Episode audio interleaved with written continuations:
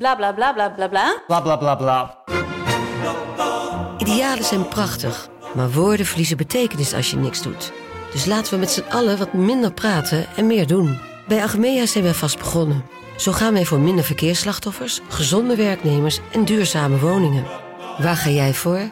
Kijk op www.werkenbijagmea.nl Hey VIZSM-luisteraar. Wil jij genieten van de beste VI Pro-artikelen, video's en podcasts? En wil jij nog meer inzichten krijgen rond al het voetbalnieuws? Word dan nu lid van VI Pro. Voor exclusieve podcasts, tactische analyses, interviews met spelers en financiële inzichten. Ga nu naar vi.nl slash zsmpro voor de scherpste aanbieding.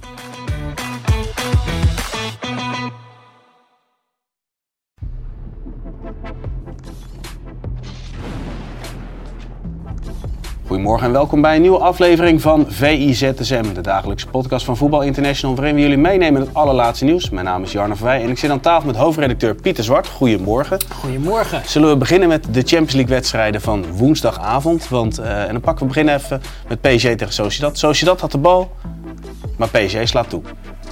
Je stond sneller voorhoede. Daar zit je dan naar te kijken. Ik heb die in de samenvatting teruggezien. En nog wat beelden gewoon eh, teruggespoeld eh, via de onvolprezen Ziggo Go app. Maar ja, daar zit je dan naar te kijken. En Sociedad is natuurlijk goed te druk zetten. Hadden, Ja. Op dat vlak hadden ze in de groepsfase van de Champions League... waar was het team dat het vaak de bal hoog op het veld veroverd had. Dus dat probeerden ze ook tegen PSG. En op die manier maakten ze ook wel echt een gelijkwaardige wedstrijd eh, ervan. Alleen ja, die Barcola die gaat een keertje lopen. En uh, Mbappé die was een keertje, waren ze een keertje kwijt bij een eh, corner. En dan eh, verlies je met eh 2-0. Dan is het eigenlijk vreselijk voor hen eh, nu al wel klaar. Over en sluiten. Als je naar Barcola kijkt, dan, dan moet ik toch denken aan de, oude, aan de Mbappé die in zijn jonge jaren doorbrak bij Monaco. Zo snel, zo bovenvaardig vanaf die linkerkant. Hoe, hoe zie jij eh, zijn ontwikkeling?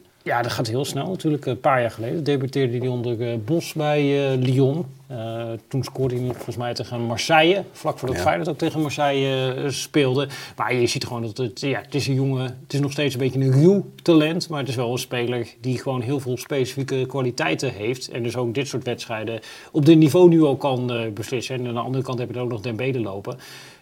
Ja, ze willen natuurlijk eigenlijk positiespel spelen met uh, Luis Enrique. Maar je krijgt toch ook ergens wel het gevoel erbij van...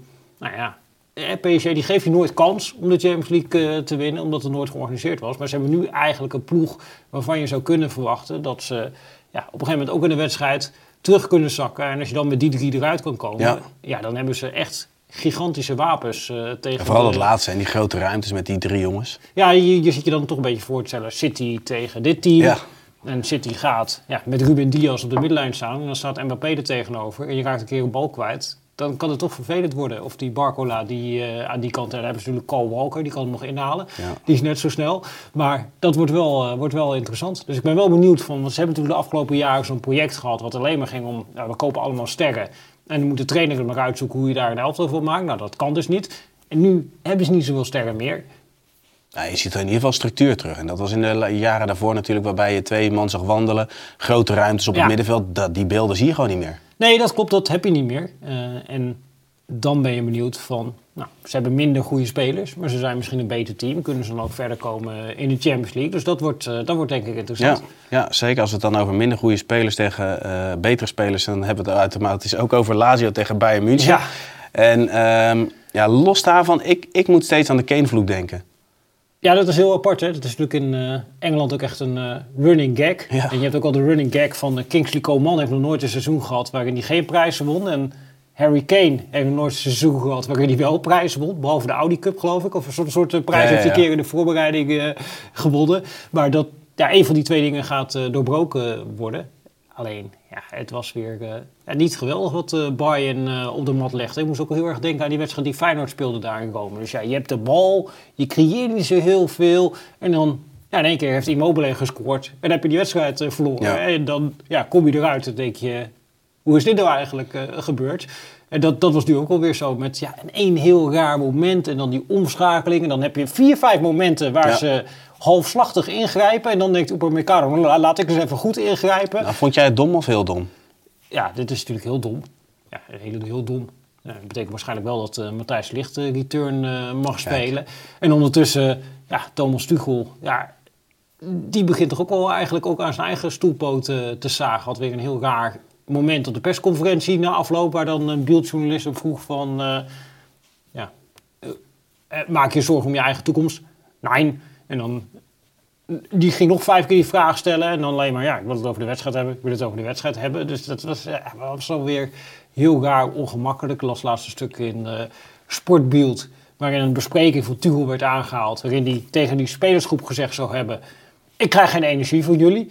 Nou, oh. dan, denk ik, als de trainer al besprekingen begint te geven met de boodschap: ik krijg geen energie van jullie, dan ja, ben ik benieuwd uh, hoe het gaat. En nu deze week. Dat is het einde in zicht, toch?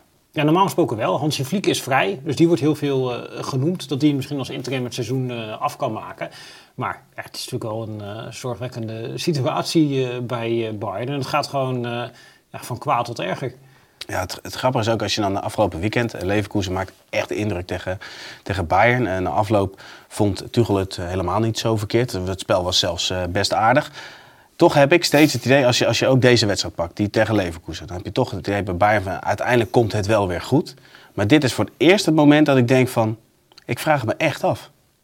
Ja, ik uh, vraag me ook echt af. Ja, normaal gesproken heb je nou de Bayern... Je hebt altijd een soort idee, van overtuiging oh, ja, ze worden toch wel weer ja. uh, kampioen. En nu... Ja, er was eigenlijk één speler in deze wedstrijd die mij die overtuiging gaf. Thomas Müller was natuurlijk terug ja. in de basisopstelling. 148 Champions League duels. Ja, ongekend die gaf natuurlijk ook dat interview naar die wedstrijd tegen Leverkusen, waarin hij ja. uh, heel duidelijk ook een norm stelde richting die groep. Van uh, ja, we spelen angstig, we moeten fouten durven maken, we moeten op een andere manier onszelf presenteren. Eigenlijk de klassieke Bayern-identiteit, uh, die was hij daar aan het uitdragen. En als ik hem bezig zag tegen Lazio, qua hoe hij iedereen om zich heen probeerde aan te sturen om ja, daar wat van te maken ja, dat is denk ik wel wat je in dit soort wedstrijden nodig hebt. En als je dan kijkt naar het koppeltje erachter, Goretzka, Kimi, nou, dat is natuurlijk ook iets waar Tuchel al kritisch op is. Dat is eigenlijk al ja, trainer naar trainer naar trainer. Is dit het probleem waar ze tegenaan lopen? Dat die twee, en dat zag je dus ook bij het omschakelmoment voor het Upamecano die rode kaart pakt. Het is niet echt een complementair koppeltje. En ja, die zijn soms gewoon even allebei op de bal aan het letten. En dan ligt er in één keer ruimte tussen de centrale verdedigers en dit. En er waren in dit geval ook nog... Eerst was Lucas Hernandez uh, al weg. Daarna ging Mascoui, die dacht ook... oh, ik kan meedoen, ik kan er overheen. Ja, en dan is er niemand die Ja, maar dan wordt er dus niemand. Niemand die pakt dan de organisatie op. En nee. dat, dat kun je dan wel weer van achteruit ook op, oppakken. Dat je zegt, veel moet daar niet tegen gestuurd worden?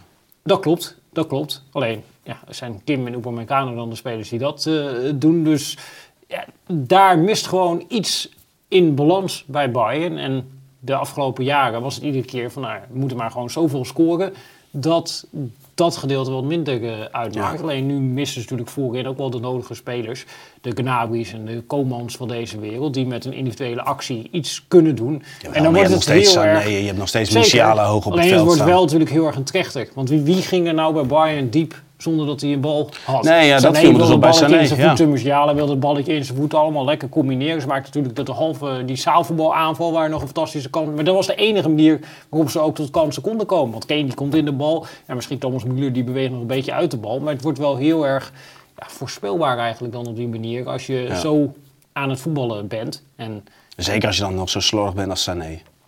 ja, ja, die Dan was het helemaal weer- lastig. Ja, die was weer eh, ja, op zijn Sané's bezig. Het is een hele goede voetballer, Sané. Waar je altijd naar kijkt. Dat je denkt, ja, jij zou gewoon tot de beste voetballers ter wereld kunnen behoren. En tegelijkertijd heeft Sané enorm aan zijn kont hangen. Dat ja, hij het allemaal wel prima lijkt te vinden. Als hij gewoon Ze zijn oogden het wel op woensdagavond. Ja, maar ook bijvoorbeeld als je terugkijkt, eh, die inworp waar het Leverkusen afgelopen weekend eh, de score opent. Ja. Ja, dan staat hij daar te slapen. Je ziet ook twee spelers, eh volgens mij Goretzka en Upamecano, die in de huid vol schelden. Maar dan wordt gewoon een inworp kort, snel genomen. En ja, Sané die staat even niet op te letten. Ja, dat- dat soort momentjes heeft hij nog steeds Ja. in zijn spel. Dat is ooit de reden dat Pep hem heeft laten gaan bij Manchester City. En nu bij Bayern. Ja, het, het moet een volwassen voetballer zijn. Alleen hij heeft nog steeds dat soort momentjes eh, erin zitten. Ja, en als je te veel van dat soort spelers hebt, dan is het gewoon heel lastig eh, om te presteren. En Ja. ja. ze hebben natuurlijk Nagelsman eruit gegooid. Misschien gaan ze nu Tuchel eruit gooien. Alleen, ja, als dan op een gegeven moment een Misschien derde... moet hij de of- selectie een keer op de schop gooien. ja, alleen ze zitten ook in het klassieke probleem. Eh, het deed me ook heel erg denken. Ze hebben natuurlijk, toen heb je dat tijdperk gehad van Barcelona, wat op het einde kwam met bijvoorbeeld die 8-2 tegen Bayern. Ja. En veel van die spelers uit ja, die generatie, ja, die doen nu nog mee bij Bayern, zitten nu nog bij de selectie van eh, Bayern. Alleen, het zij lopen eigenlijk tegen hetzelfde probleem aan als een Barcelona tegenaan liep. Ja, die spelers hebben zoveel betekend voor die club. Die hebben zoveel gewonnen met die club. Dat je kunt ze eigenlijk bijna niet gaan doorselecteren. Alleen tegelijkertijd moet je het wel doen, want anders krijg je dus die situatie ja, waar ze nu eh, in zitten. Eh, en ja, die transitie goed managen als club. Nou, we zien natuurlijk ook in Nederland eh, bij Ajax na een Ja, periode absoluut. van succes. Om dan jezelf te vernieuwen. Dat is zo lastig in het voetbal. En daar, daar loopt nu zelfs Bayern eh, tegenaan. Klopt, maar dan zijn het vooral de sentimenten die het lastig maken. Terwijl als je gewoon heel rationeel naar de situatie zou kijken, zou je eigenlijk gefaseerd moeten doorselecteren. Ja, ja alleen dat maakt het wel ingewikkeld. Want ook eh, eens. ja, Tuchel heeft bijvoorbeeld eh, Thomas Müller veel op de bank eh, gezet. Ja. ja, die staat natuurlijk wel hoog in de hiërarchie. Neuer staat hoog in de hiërarchie. En Valt ook dat- wel iets voor te zeggen. Alleen het is wel de eerste waar je weer op teruggaat. Op het moment dat het even niet loopt, dan denk je, ja, dan gooi je toch Müller er maar weer in. Ja, precies. En ja, dat is een hele lastige balansoefening. en ik ben benieuwd of eh Tuchel zich daar nog eh, uit eh, kan redden. Want Ja. nou, hij heeft dus blijkbaar die speech gegeven waarin hij zegt... eh, ik krijg er geen energie van. Maar als je hem op de bank ziet met die handen voor de ogen... van, oh, wat maak je nu? Da- Daar krijg je denk ik als speler ook geen energie van. Nee, dat is zeer pijnlijk. Dan gaan wij van eh, ja, de Champions League gaan we naar de andere Europese toernooien. We beginnen even met de tegenstander van Ajax. Het gaat veel over Beu de Glimt, uiteraard, tegenstander van Ajax. Je hebt een mooie analyse gemaakt op VE Pro. Maar wat ik van jou wil weten, Pieter, wat maakt Beu de Glimt zo bijzonder in jouw optiek? Het is denk ik vooral de manier waarop die club georganiseerd heeft. Suleiman heeft natuurlijk altijd vandaag ook een stuk over op VE Pro. En ja, daar wordt gewoon op een andere manier gekeken en op een andere manier gedacht. En ook eigenlijk, ik denk dat wat een beetje de kern is bij hen, los van dat er heel veel duidelijkheid is in speelwijze, Ja. is ook dat er heel veel psychologische veiligheid, ik weet niet of dat het juiste woord is, eh, om eh, eraan te koppelen. Eigenlijk het tegenovergestelde wat je, de verhalen die je nu hoort bij DWDD bij, met Matthijs van Nieuwkerk, dat gebeurt bij Beude Glimt. Eh, dus dat is extreem veilig. Halen daar ja, iemand, een F-16-piloot is op een gegeven moment bij de staf gekomen. Ze doen daar s'morgens, hè, wij gaan hier gewoon aan tafel zitten, maar zij doen eerst 's morgens een kwartiertje meditatieoefeningen om even tot zichzelf te komen. En het is gewoon een heel andersoortig eh, Nee, club. wat is het? Is het een soort wellnessoord of zo waar je in terechtkomt? Nou, dat, zo kun je het wel bijna zien. Dus die spelers, ja, dat is enorm dat. Die coach heeft op een gegeven moment ook gezegd, volgens mij in 2019, van ja, we gaan eigenlijk niet meer naar uitslagen kijken. Het gaat eigenlijk om het eh, proces. En we moeten ons niet in de war brengen, laten brengen als we een keer 1-0 achter komen of als we 1-0 eh, voor staan. We moeten gewoon hetzelfde blijven doen. Dus dat is heel erg allemaal ja, gericht op het proces. Ja, het is eh, heel hoog in Noord-Noorwegen, dus het is ook ja, een beetje afgelegen van ja, de normale wereld. En het is gewoon ja, een kuuroord waar bepaalde spelers in gedijen. Want ook nu in de winter, want zij zitten eigenlijk in de voorbereiding. Hè, Ja, ja, zij hebben nu rust. Zij, zij spelen nu Ja, oefenwedstrijden. ze spelen in 1, ap- 1 april spelen ze hun eerstvolgende competitiewedstrijd. Dus dat, om even een beeld te geven, dat, eh, dat eh, duurt nog wel even. En ergens in december hebben ze hun laatste competitiewedstrijd eh, gespeeld. Maar daar zijn bijvoorbeeld Hauge is teruggekomen, Evjen is teruggekomen. Ja, dat zijn spelers die gingen weg bij Beude Glimt als nou ja, eh, grote talenten, grote Ja. spelers. Naar AC Milan is Hauge gegaan, heeft Frankfurt, Evjen hebben we bij AZ gezien. Volgens mij Kopenhagen is hij, of bij Brøndby is hij daarna nog eh, naartoe eh, geweest. En ja, die spelers, en dat is een beetje de kern bij Beude Glimt, die daar weggaan, los van de spits van Bayer Leverkusen, die hebben eigenlijk bijna allemaal heel veel problemen om dan in het, bij een andere club weer dat niveau te halen wat ze bij Glimt halen. Dus bijvoorbeeld Maar Berg. zit het dan weer in het mentale? Sorry dat ik je onderbreek, hoor, want je zegt van het is een relatieve rust. Ze gaan mediteren, dus eigenlijk kunnen ze ontspannen naar de wedstrijd toe gaan. Je zegt ze kijken niet naar uitslagen. Ik zag dat ze in de voorbereiding 6-0 van Salzburg hebben Ja. verloren. Maar dat, doet er, dat is dus totaal niet relevant in de wedstrijd tegen Ajax, als ik jou hoor. Dan ga je dus naar een andere club, waarbij je dus... eh, eh, Uiteraard, net als bij Beude Glimt zal er ook een prestatieklimaat heersen. Alleen op een andere manier wordt het ingevuld. Is het dan puur het mentale wat dan bijvoorbeeld tegenstaat? Dat er ineens druk komt kijken waar ze misschien in het kuuroord van Beude Glimt geen druk voelen? Ja, ik denk dat dat een element is. En het tweede element is denk ik de speelwijze. Dus het is bij Beudeu heel duidelijk hoe ze spelen, hoe dat georganiseerd is, welke rol spelers hebben. En bijvoorbeeld die Berg, die is ook op Ja. een gegeven moment weg geweest. Binnen no time was hij weer terug. Is de captain, de controlerende middenvelder. Ja, zij spelen 4-1-4-1. En- Is het in al die tijd zo, zo, zo gebleven of zijn er wel accenten Nee, gelegd? het is exact hetzelfde eigenlijk. Eh, ze hebben zelfs eh, de officiële podcast van de club, die heet ook gewoon 4-3. Dus het is Ja. gewoon duidelijk, dit is hoe wij spelen. En dat gaan we gewoon, eh, elke week gaan we dat op die manier doen. En hij is altijd de controleur achter twee spelers daarvoor. En dan kan het type spelen daarvoor, dat kan nog wel een beetje Ja. wisselen. Dus hadden, nu hebben ze Hauge terug, want meer een... Ja, bijna een soort van tweede nummer 10 is op links. En daarvoor hadden ze Pellegrino, wat eigenlijk een tweede spits was vanaf links. Dus daar verandert wel dan een accent. Ja. Maar de kern van hoe ze spelen met eh, opkomende backs, met eh, druk zetten, ja, dat is hetzelfde. Dat betekent dus dat zo'n Berg, ja, die heeft altijd een linie van vier voor zich die druk aan het zetten zijn. En een linie Ja. van vier achter zich die aansluit. En hij bestrijkt eigenlijk een heel kort gebied in die speelstijl. En het enige wat hij heeft te doen is een bal ontvangen en hem een paar meter naar voren spelen richting iemand anders die er dan iets goeds mee gaat doen. En in die rol is hij heel erg goed. Alleen zet jij hem in een andere rol, in een andere elftal neer, dan denk je, ja, wat kan deze jongen eigenlijk? En dan is dat misschien ook niet zo heel erg veel. En ja, zo is met meer spelers gebeurd. Ze zijn bijvoorbeeld ook heel goed in ja, omschakelen, dus heel erg Ja. wat druk zetten en dan eruit komen. Ja, veel van hun spelers, of dat nou die Hauge is, of Solbakken die volledig mislukt is bij AS Roma, ja, die blinken ook echt uit in, oh ja, ze winnen de bal en dan in ruimte een tegenstander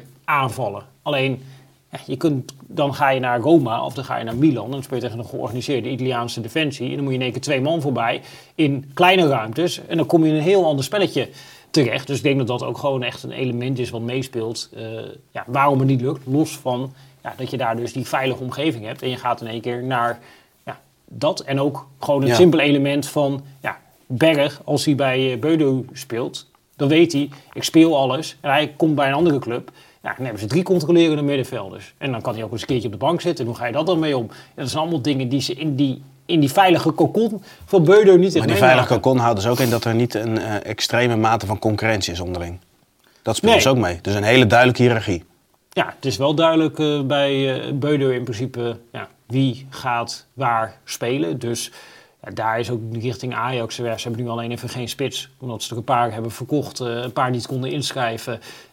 Moeten ze waarschijnlijk met FJN daar eh, gaan spelen. Maar die, ja, die concurrentie is ja, vrij beperkt. Het is natuurlijk een klein budget. eh, dus ze hebben ja, meestal anderhalve goede speler per eh, positie. Ja. Dus dat kun je wel redelijk invullen. En ja, bijvoorbeeld ook Björkan, die hebben we bij Feyenoord bijvoorbeeld weer Ja. gezien.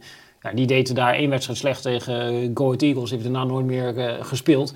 Ja, en hier weet hij gewoon, ja, ik sta daar op links. En ik mag daar alles spelen op links. en ik loop gewoon die hele wedstrijd heen en weer langs de lijn. Ik gooi er heel veel energie tegenaan. Eh, en zolang ik dat maar doe, dan blijf ik spelen. En dan functioneert hij daar goed. En daarna is hij bij eh, Hertha, BSC, weet ik veel waar die jongen allemaal geweest is, bij Feyenoord dus. Is dat allemaal niet echt gelukt en dan komt daar weer terug. En hij begint weer langs die lijn te rennen. dan weet je als buitenlandse club dus ook heel duidelijk. Van, ja, je moet helemaal niet gaan scouten bij uh. Want het, Nee, en werkt je- alleen, het werkt alleen daar. Ja, en als je scout moet je dus ja, heel goed kijken van ja, is die speler nou individueel heel erg goed? Of lijkt die speler heel erg goed in het eh, systeem waarin hij eh, daar speelt? Zoals je natuurlijk soms ook andersom hebt. Dat spelers die misschien individueel best wel goed zijn, er heel slecht uitkomen te zien in een Ja. bepaald eh, team. En dat is natuurlijk de, ja, het geheim van scouting, dat je daar soms een beetje doorheen kan kijken. Absoluut. Tot slot, waar moet Ajax absoluut rekening mee houden?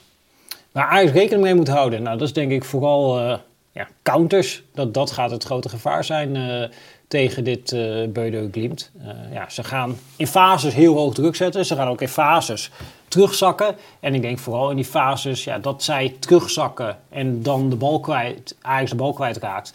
Ja, dan gaan die twee buitenspelers lopen. Dan eh, gaat die spits die gaat proberen zich aanspeelbaar eh, te maken. En dan ja, denderen ze er in een heel hoog tempo uit. En dat is natuurlijk een element wat bij Ajax dit seizoen vaak niet goed verzorgd is geweest. Met beide backs eh, die weg waren. Dus dat gaat wel denk ik een sleutel worden in deze wedstrijd. Zeer interessant. Dan gaan we over naar Feyenoord. Eh, nieuwe trainer. Van 1-5-3-2 naar 1-4-3. Mooie analyse van Sam Planting. Eh, maar de belangrijkste verandering volgens Sam is ook het gedrag. Nou, laten we dan Dien Huizen daar eens uitpikken. Centrale verdediger bij Doe Roma. niet mee trouwens hè? Doet hij niet mee? Nee, jij is niet ingeschreven. Schandalig. Maar in gedrag, dat was ook, de, dat Was ook het stuk. Hij haalt een moment aan dat hij dus aan de bal is. En dat het is eigenlijk vanuit de Rossi dat ze dus de opties naar voren, dat ze die willen stimuleren. En juist dat stuk, dus dat ze meer aanvallende keuzes gaan maken, dat is de grootste verandering onder de Rossi. Nou is mijn vraag aan jou. Is dat een voordeel of een nadeel voor Feyenoord? Voordeel voor Feyenoord. Ja, Meer er ruimte om te voetballen dus. Ja, en ik ben er echt van overtuigd dat... Ja, kijk, Arne Slot kan er nu niet hard op zeggen. Helemaal naar wat er vorig jaar is gebeurd met José Mourinho. Als hij nu nog gaat zeggen van ja, ik zie kansen. Dus je hoort hem alleen maar zeggen... Nou, als goede spelers ook nog plezier krijgen in voetbal... en dat gelooft hij natuurlijk ook zelf wel als trainer... Ja, ja. eh, dan, ja, dan kan er iets eh, heel moois ontstaan. Dus is dan nog maar eens te stoppen. En goede voetballers, die heeft AS Roma. Alleen als collectief, hoe ik ernaar heb gekeken, Roma, ja, ben er toch niet helemaal kapot van. Eh, ja, vooral in balans. Dus nou, we hebben net eh, bij Ajax eh, over backs. Ja, zij gaan met links. Ik denk eigenlijk dat de afgelopen wedstrijd speelde Angelino. Maar ik denk dat nu Spinazzola daar weer gaat spelen. Ja, en die blijft dan ook echt als bek, hè? Ja, die kennen we natuurlijk als van de Italiaanse Ja. nationale ploeg. Ja, die wil graag opkomen. Die moet daar eigenlijk de teruggetrokken back zijn. Ja. Maar dat is geen teruggetrokken back. Die, die gaat op een gegeven moment. Ja, op rechtsback hebben ze Karsdorp. Ja, die gaat ook. En dan heb je nog twee centrale verdedigers. eh, Maar dat laatste gaan we waarschijnlijk wel meer zien. Hè? Dat Kasper dorp hoog staat, waardoor die ballen aan de binnenkant speelden. En Pin- Spinazzola moet dus eigenlijk blijven staan. Terwijl ja, maar die ook niet- wil gaan. Ik denk niet dat hij blijft staan. Dus die, die gaat op een gegeven moment ook eh, lopen. Eh, ja, en dan heb je nog twee centrale verdedigers en Paredes over om er daar een beetje ja, een counter eh, tegen te houden. Ja, ze zijn natuurlijk in Italië ook niet heel erg gewend aan tegenstanders die er echt druk op zetten. Want veel van die wedstrijden die je hebt gezien onder de Rossi was tegen mindere teams in de Serie A. Die allemaal een bus parkeerden. Ja, en dan mag je op die helft komen. En dan krijg je op een gegeven moment die ballen aan bal tussen de of Pellegrini. Die sinds een nieuwe trainer is, echt geweldig presteert. Dus vier wedstrijden, drie goals, drie assists. En volgens mij ook nog meer dan tien succesvolle tackles. Dus die, die ja, is alomtegenwoordig eh in Ja. dat eh, elftal als eh, middenvelder. Ik denk ook omdat hij meer opties heeft. Alleen, ja, dat is niet het wedstrijdbeeld wat je tegen Feyenoord gaat zien. Ze gaan nu een team tegenkomen wat hen onder druk gaat zetten... waar zij onderuit moeten gaan voetballen. En dat heeft dit team eigenlijk nooit echt gedaan. Hebben ze natuurlijk ook een beetje meegemaakt eh, tegen Het is nog wel een omslag. Ja, er is een, een enorme omslag. Een ander systeem, een hele andere manier van Ja. spelen. En daar denk ik dat voor Feyenoord de kans ligt. Alleen ja, ze missen natuurlijk ook heel veel spelers. Eh, Feyenoord eh, in deze wedstrijd ook echt belangrijke spelers. Denk je dat ze dat op kunnen vangen? Want ik, ik heb daar wel mijn twijfels bij. Dat het, Ja, het, is, het is wel heel veel nu. Je doet wel een paar jasjes uit. Kijk, het maakt natuurlijk nog wel uit of jij Geert Truida hebt eh, staan of eh, Nieuwkoop als eh, rechtsachter. Ja. Zoals Belen ben ik erg veel onder de indruk. Alleen ja, Trauner, ja, die brengt toch een bepaalde Precies, ja. ervaring met zich mee. Op het middenveld, Timber is natuurlijk een hele belangrijke speler. En de- daar doe je wel, denk ik, eh, ja, als Feyenoord wat jasjes uit. Jiménez is nog de vraag, gaat hij het halen, gaat hij het niet halen? Dus dat zijn allemaal dingen ja, die het wel complex maken. Maar ik denk dat als collectief, als team, en we hebben een beetje het thema van eh, deze uitzending eh, is Ja, dat ja. aan het worden, dat Feyenoord verder is in de ontwikkeling van de speelwijze dan Roma. Alleen, ja, Roma heeft die ballen, die kan vanuit een niets doelpunt maken. Pellegrini kan vanuit een niets doelpunt creëren. Ze hebben spelervattingen waar ze heel makkelijk doelpunten uitmaken. En ze hebben Lukaku, die kan ook een balletje erin schieten. En El Sharawi, die lijkt ook eh, herboren. Je ziet weer ja, de El Sharawi die we eigenlijk kennen. Ja, en dan hebben ze nog die opkomende backs. Dus ze kunnen heel makkelijk scoren uit het niets. Alleen... Ze kunnen ze ook makkelijker tegenkrijgen. dat denk ik wel. Dus het gaat ook denk ik een, als schouwspel gaat het in ieder geval ja, voor de neutrale toeschouwer een leukere wedstrijd worden dan eh, ja, die vorige wedstrijden tussen Feyenoord en Roma. En ja, persoonlijk denk ik dus nog steeds dat Feyenoord tegen het Roma van de Rossi betere kans heeft dan tegen het Roma van Mourinho. Wat ook komt omdat bij Mourinho waren die Europese toernooien, dat was natuurlijk voor hem ja, het ding. Die wilde prijzen winnen eh, en laten zien in heel Europa de toptrainer José Mourinho Ja, bestaat daarom nog. zei het Sam ook heel mooi, hè, dat het echt gewoon toernooivoetbal is wat zij spelen. Ja, en als je dan kijkt naar de Rossi nu, en ook de persconferentie die hij gisteren geeft, ja, dan hoor ik hem al dingen zeggen als... Ja, ik ga niet elf andere spelers opstellen, maar ja, we gaan wel wat wisselen. En ik moet ook een beetje naar het fysiek kijken. En ik wil ook niet dat we tegen Frosinone, dat we dan eh, in één keer... Dus voor hem, de, de tweede keeper gaat ook spelen. Ja, het lijkt bijna... Een soort bekertoernooi voor hem. hè. Zo van, joh, de, de reserves mogen we even gaan spelen. Wat je in de KNVB-beker nog wel eens ziet bij de topclubs. Ja, precies. En veel Italiaanse teams, zeg maar, als het niet Champions League is, dat heb je natuurlijk ook gezien met eh Lazio op een gegeven moment tegen Feyenoord eh, in de Europa League. Eh Lazio ging natuurlijk ook uit in de Conference League tegen AZ. Ja, dat soort teams, als het niet de Champions League is en het is een... Dat zou Mourinho echt voorkomen. Dat zou Mourinho niet doen. Maar ik heb het idee dat de Rossi, dat die toch een beetje denkt van, nou, bijvoorbeeld Chris Smalling, die is nu weer in training. Ja. Die zou kunnen spelen, maar de verwachting in Italië is dat ze hem nu nog op de bank gaan houden, zodat hij tegen Frosinone kan spelen. Ja, ik denk dat uh, Mourinho, die had er een paar uh, injecties in gedouwd. Ja. Want Chris Smalling, uh, die moet op het veld staan. Dus er wordt denk ik op een andere manier bij Roma ook gekeken naar nu dit toernooi. Is, het was voor Mourinho was dit zeg maar de weg geweest naar succes. Dan draaide alles hierom. En ik heb het idee dat voor de Rossi dat het vooral gaat om de Serie A. En dat het bijna een hinderlijke onderbreking is dat ze ook nog tegen Feyenoord moeten spelen. Want als je ook zijn analyse hoorde voor Feyenoord. Die zei, ja, ik heb ze bekeken. Heel knap hoe ze spelen. Ze hebben goede vleugelspelers. Dan denk je, okay. ja. ja. ik krijg niet de indruk dat de Rossi uh, 15 wedstrijden van Feyenoord uh, bekeken heeft. Uh, dus ja, er liggen echt wel kansen voor Feyenoord. En ik ben daar best optimistisch over. Ook al moet je ook zo realistisch zijn om te zeggen, oké, okay, Dybala, Lukaku. Ze kunnen eigenlijk niet zijn doelpunt maken. Maar ik denk dat Feyenoord wel gewoon een hele goede wedstrijd op de mat gaat leggen. Nou, dat was een mooi vooruitzicht. Uh, tot slot, het meest gelezen item op VE Pro was het verhaal van Tom Knipping over Vitesse en Perry. Daar gaan wij niet uitgebreid op in. Want uh, ze moeten sowieso het uh, artikel op VE Pro lezen. Maar vooral vandaag de site in de gaten houden. We zijn bij de persconferentie. Tom, om half elf een persconferentie. Ja, precies. Ja. Tom Knipping geeft zelf ook nog duiding over de situatie. Die kent de situatie als geen ander. Dus hou de site van VE in de gaten. Ja, en lees dat pro-stuk. Want het is natuurlijk een hele ingewikkelde situatie. Ja. Maar als Tom het uitlegt op VE Pro, dan denk ik, oh, ik snap wat er aan de hand is. Dat dus is dat, dat is wel zo prettig. Dat is wel een, een, echt een gave die Tom heeft. Bankzaken is ook, daar zitten soms hele ingewikkelde vraagstukken in, maar hij legt het zo simpel uit. Waardoor zelfs ik het begrijp eigenlijk. Precies. Nou, dat, is, dat, dat zegt iets. Pieter, bedankt en uh, tot ZSM. Tot ZSM.